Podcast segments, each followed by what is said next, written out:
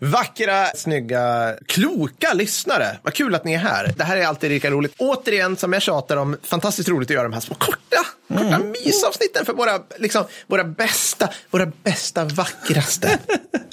Mest, mest väldoftande kanske patrons skulle jag påstå att det är. Och den som ser särskilt väldoftande är William.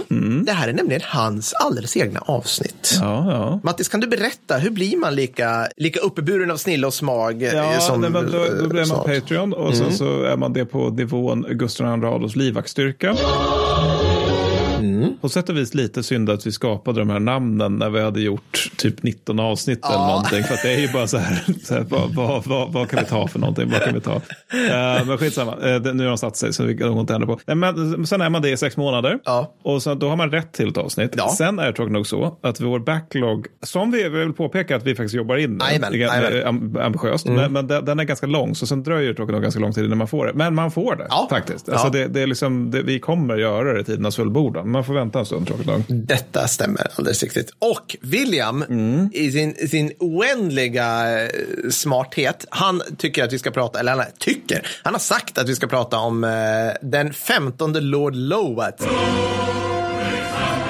Så att nu blir det brittisk överklass igen. Smashing baby. Hej och K. Jag har sett fram emot det här för jag vet inte vem det är alls. Alltså, Nej, så att det, nej, men eh, lite av en doldis. Alltså, om, man, om man tänker sig Pantheonet av Mm. liksom, karaktärer under vecko två, då är han liksom lite längre ner. Alltså, han är liksom en av Tyrs hantlangare. Han är liksom en, han är liksom en demigud. Liksom, grann. ja. Det, det är så här, mm, vad har vi? Tänk er liksom Herkules kusin. Den, Just den det, nivån det. lite grann. Ja, ja, precis, ja. Men, så jag tycker det är kul att han pekar ut den här. Shoutout först, givetvis. En shoutout till Kristoffer Berggren som introducerade mig till podden för cirka två år sedan. Sedan en till Jerry Hallgren och alla andra i hemvärnet som tappert kommer att försvara oss mot ryssen. Mycket bra. Mycket Fint, bra. Ja. mycket bra. Jag hopp, då antar jag att William själv är med i hemvärnet, vilket känns Det fantastiskt vore en roligt. konstig shoutout annars. Vore kanske en konstig liten shoutout. Jag vet inte. Ja. Eller så, men jag kan ju shouta till hemvärnet också, jag är inte med. Alltså, det man är måste kunna ge en shoutout. Ja, ja, ja. Ja, så är det. Ja. Okej, 15 Lord Lowat. Det är viktigt det här med 15. Det är lite av en grej, Mhm. har jag förstått det som. Alltså han är mer känd som det än typ det han faktiskt heter. Vad heter han då? Han, ja, vi kommer till det. Eh, tror jag vi kommer till det.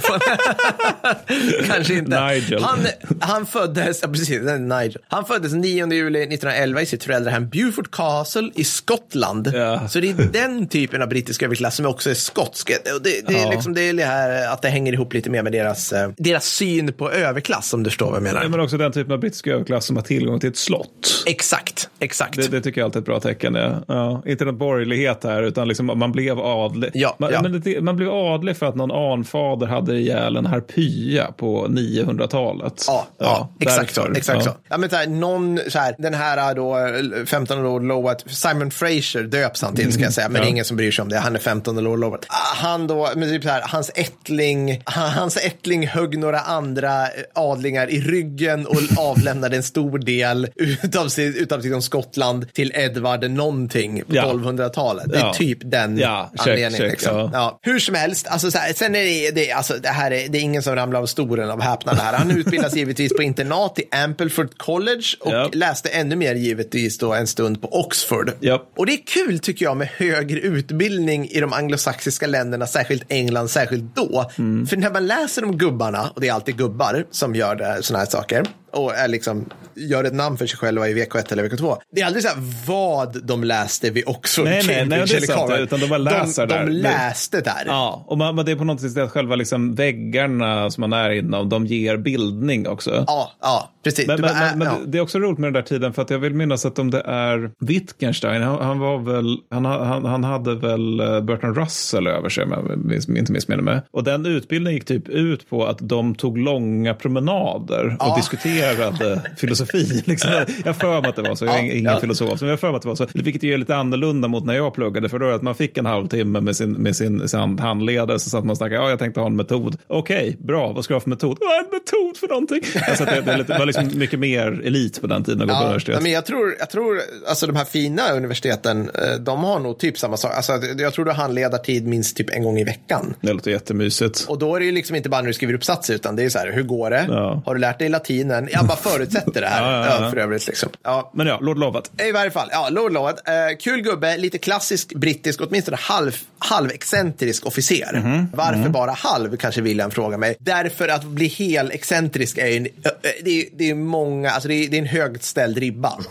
Där skulle jag vilja säga. Mm. Han var 28 när andra världskriget drog igång och officer sedan ett decennium tillbaka. -hmm. Och visst, han där i land med en säckpipa tutandes bakom sig i Normandie, vilket är lite ja, ballt. Ja, ja, det är lite. Det är lite excentriskt. Men hans största insats för Rule Britannia var ändå att han var med och hamrade fram det som skulle bli moderna räd och specialförband, Jaha. nämligen brittiska commandos i First Special Service Brigade.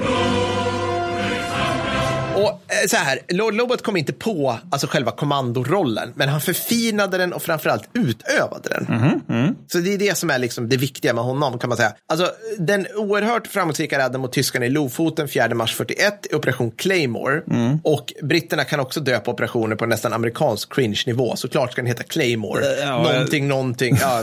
jag, jag, jag satt där med pojkaktighet och tänkte det var ändå ganska bra namn. ja, men det är, det, är, det är bra, men det är också Eagle Claw är väl också bra. Eller? Jo, men amerikanerna, amerikanerna fastnar ju så lätt i det med att det ska vara liksom så här, någonting så här Operation Maximum Freedom. Fuck yeah! Eller något sånt där. Liksom, så här, Operation Certain Destiny Freedom Motherfuckers. Någonting. Operation Ultimate Response. Ja, men något, sånt, ja, men något sånt där. Alltså, de, de, de blir så fåniga. När, de upphöjer alltid sin egen demokrati till över alla andras demokrati. Ja. Och det, det märks i deras operationsnamn. Förlåt. Sant. Ja. Nej, men du har rätt. Du har rätt. Okej, okay, så att ja, det som händer då i varje fall, det är väl, tycker jag ändå Lovats claim till fem. 500 kommandos med Lovat i spetsen mm. lyckades till priset av en sårad soldat, ja. en, ja, spränga 3500 500 ton av olja och glycerin i fabrikerna mm-hmm. vid eh, Lofoten där. Mm-hmm. Samt sänka 18 000 ton båtar. Oj, ja. Jag fortsätter. Tillfångata 228 tyskar okay. och ett antal kvisslingar. Samt dessutom komma därifrån starkare än när de, när de gick dit. Med, för de fick med sig 314 norska rekryter. Wasn't that better? Jaha. Alltså det tycker jag är snyggt. Du genomför liksom, en, det här är i praktiken en mindre landstigning. Alltså det är en ja, räd, ja, större ja. räd. Ja. Och du imponerar så mycket på de lokala norska pågarna att de bara, vi vill hänga med tillbaka. Så att, att, den, den tog de med överraskning. Men det är så här liksom lite grann, som vi brukar jämföra med, det med den här typ så här total war-mentaliteten, man typ så här recruit mercenaries, ja. alltså det är en knapp när man är på fiendeterritorium. Oj, det blev dubblade vi här. Exakt så.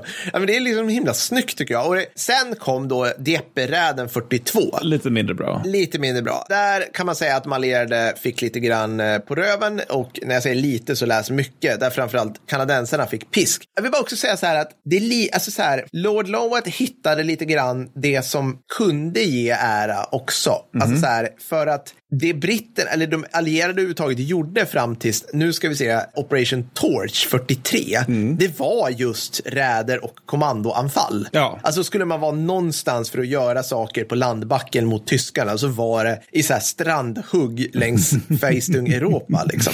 Exklusive Nordafrika då? Men ja, Exklusive, ja, ja, men när, när väl Nordafrika drog igång, eller ja, ja, ja i och för sig, det har ja. du rätt i, ja precis, om man var de typ två divisioner, alltså det var så, det var så töntigt små truppmassor ja, i Nordafrika, man glömmer det fram till Torch i varje fall. Okej, okay, side-note för övrigt apropå Deppe där. Är det en brittisk grej att i alla dessa rätt, vad kan man säga, tveksamma landstigningar och militära operationer och då säger jag så här, Gallipoli ringde och sa hej, att man helst skickar in sina kolonialtrupper. man, man får ju lite den känslan, ja. Alltså ja. att det gör ingenting om ni råkar dö här. Det viktiga är att drottningens riktiga pojkar är inte dör. Ja, men precis. Så här, Lofoten, det kommer vara en slam dunk. Då så här, ja. hardcore britterna liksom. Ja. Här, från från liksom Lancashire, typ så här. Deppe. Oh, alltså det här kan gå mm, lite coin toss. Vi skickar in kanadickerna för att Men, skiter det sig jag så. blir någon grej också att britterna själva tycker att ja, nej, men vi måste ju lösa ut det här så att de här små folken inte kan, de kan ju inte klara den här typen av Nej. avancerad version själva. Nej, men alltså, nej. men lova att han klarar sig då från Jeppe får man anta. Ja, ja, alltså, ännu bättre. Utan han, han, han är lite äh, lurig, så ska jag inte säga. Han har tur, ska Jaha, jag säga. För att medan kanadensarna mejades ner i drivor i Dieppe by Mm. så gick det utmärkt för britterna med Lovat och hans Fourth Commando i spetsen. För de anföll och förstörde ett tyskt K-batteri ungefär en mil utanför Dieppe. Mm. Så de gjorde mycket mindre då och gjorde high five och öppnade varma bitters på vägen hem, antar jag. Så att det gick bra för dem. Och det var den, eh, alltså så här, det var den, han, han lyckades naila in att vara med på den enda framgångsrika delen av Operation Jubilee som Dieppe-räden heter. Just det. Ja, men det var ju, det var ju bra. Ja, ja. Ja, det gick bra för honom. Sen då i varje fall, han blev svårt sårad i Normandie under slaget vid Breiville strax efter D-Day. Överlevde men dök inte in i kriget igen. Okej, ja. så att, eh, han blev senare politiker, dog 95, Mhm, 83 år gammal, fick sex inom barn med sin fru.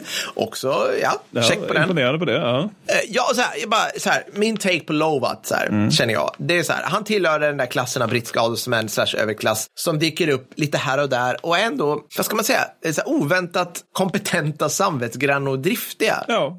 Visst, men man har, man, man har en massa tradition som väger tungt på ens axlar som man inte vill svika. Och då, då, kanske, då, då vet man det, då vill man göra bra ifrån sig. Liksom. Ja, precis. Jag menar, liksom, han var, alltså bara ta det här siffrorna igen, liksom, han var 28 bast när kriget började. Mm. Han kunde förmodligen ha fått så här, alltså det var, det var ingen som tvingade in honom i kommando, alltså så här, Nej, nej, nej, specialförband. Nej, nej. Han ville dit, han ville liksom åka över eh, sundet, eh, höll jag på att säga, över Nordsjön och kriga på plats Mm. mot tyskar. Han kunde förmodligen ha tagit något lite bekvämare stabsjobb. Liksom. Ja, precis. Och han känns inte lika, alltså, han känns inte, li- och det är väl därför han bara får halv brittisk excent- excentriskhet. För att det han gjorde, han var inte så excentrisk. Nej. Alltså, han, han vadade inte i land med långbåge och Claymore som Nej. Churchill. Han var liksom, han var, han var liksom, alltså, så Men vi är ju lite trötta. Vi pratade om honom i avsnitt, eh, nu ska säga, avsnitt 40. Vi blev Ja. lite trötta på Jack Churchill då också. Ja, men. Och- Tyckte han var lite jobbig. Ja men de flesta av de här männen som älskar, det är inte flesta, men många är så här, fan vilken jobbig,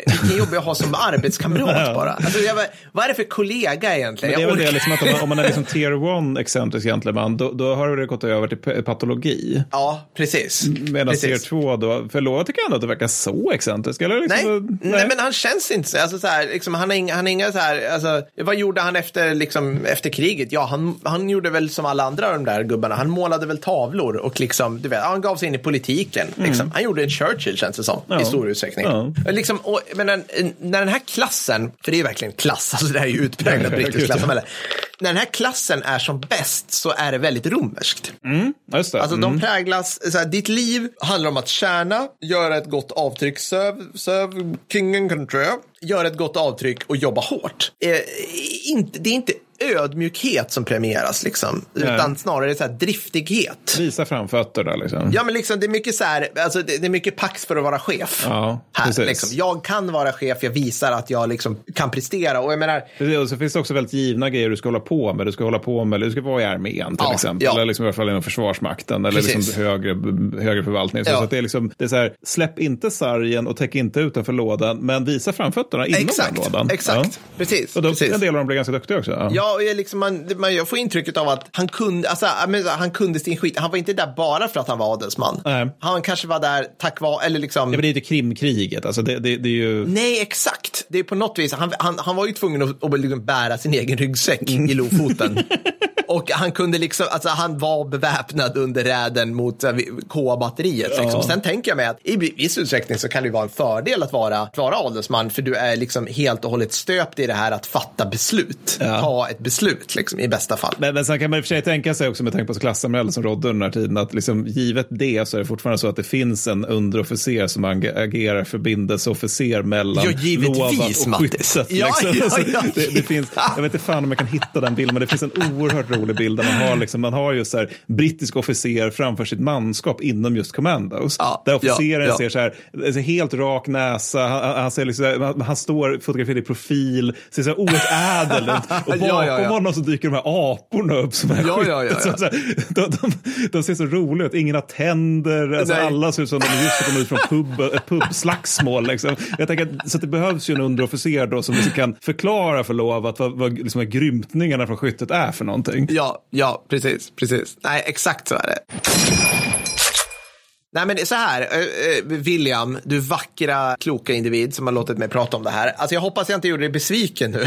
liksom. Det är alltid så här när ni skickar in era, alltså ni som, som eh, begär expressavsnitt, liksom så här, gör vi er besvikna nu? Jag blir alltid lite orolig. Eller liksom, var det det här ni ville ha?